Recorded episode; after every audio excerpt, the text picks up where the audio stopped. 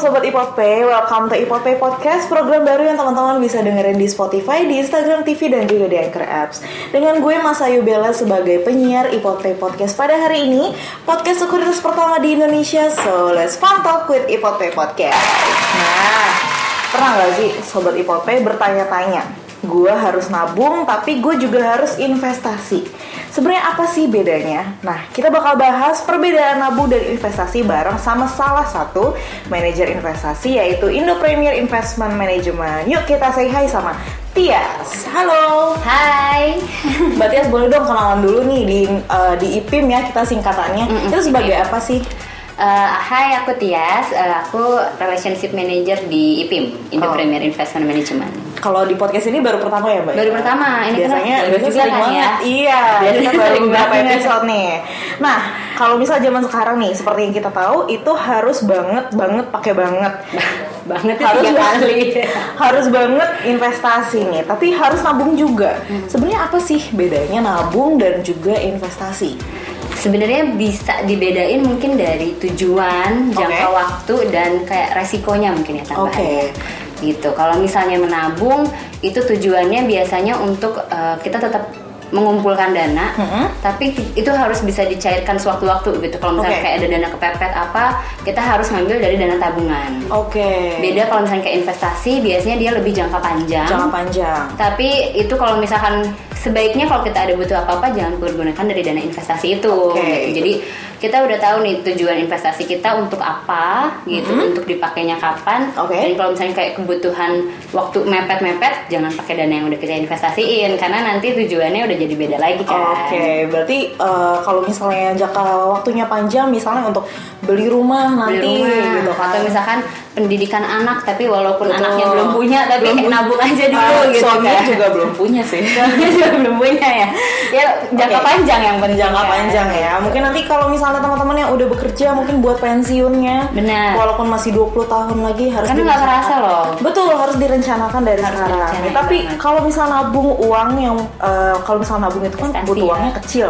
Iya, Paling iya, ya benar. 500 ribu gitu kan udah bisa nabung. Tapi kan kalau investasi ini harus besar nominalnya. Contohnya beli rumah, beli tanah, beli emas kan uangnya gede nih. Nah, kayaknya ini sih yang orang-orang sering banyak yang salah gitu. Oke. Karena sebenarnya investasi itu nggak harus kita langsung beli rumah, kita Oke. harus beli tanah atau beli emas.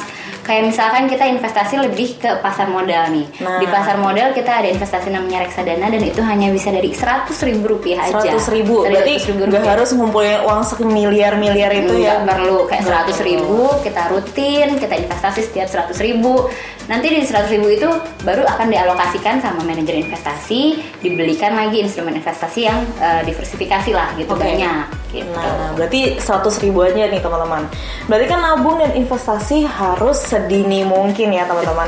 Tapi kalau misalnya nih sobat ipot pay yang mungkin baru kerja atau Iya. misalnya masih kuliah gitu, pengen nabung dan juga investasi, sekaligus berapakah yang harus kita sisihin sih sebenarnya setiap bulan?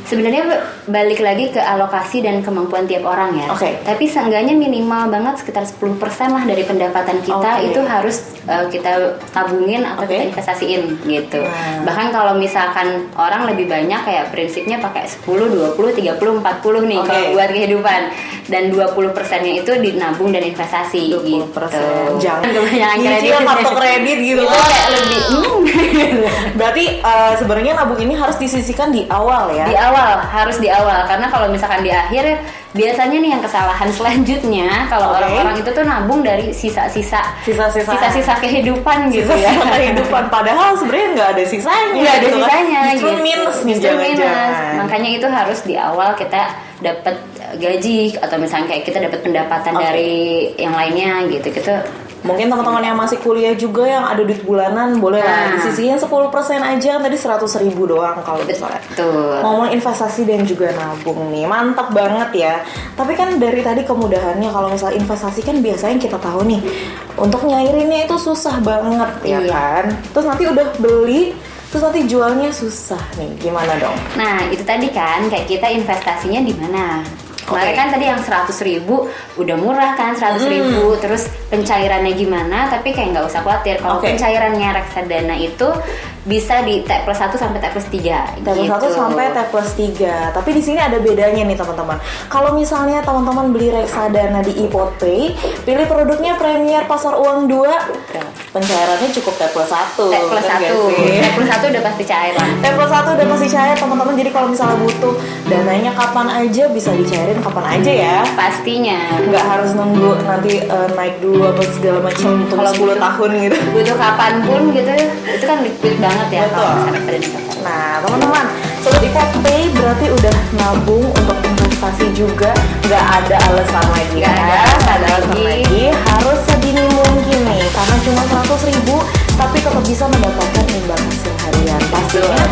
Yang penting adalah mengalahkan inflasi benar nggak sih? Benar. Nah, kalau inflasi kita aja sekarang 3 persenan lah ya. Oke. Kita bilang 3, koma sekian persen. Tapi nanti kalau misalnya kita bisa masuk ke reksadana pasar uang itu pasti udah di atas 6 persen.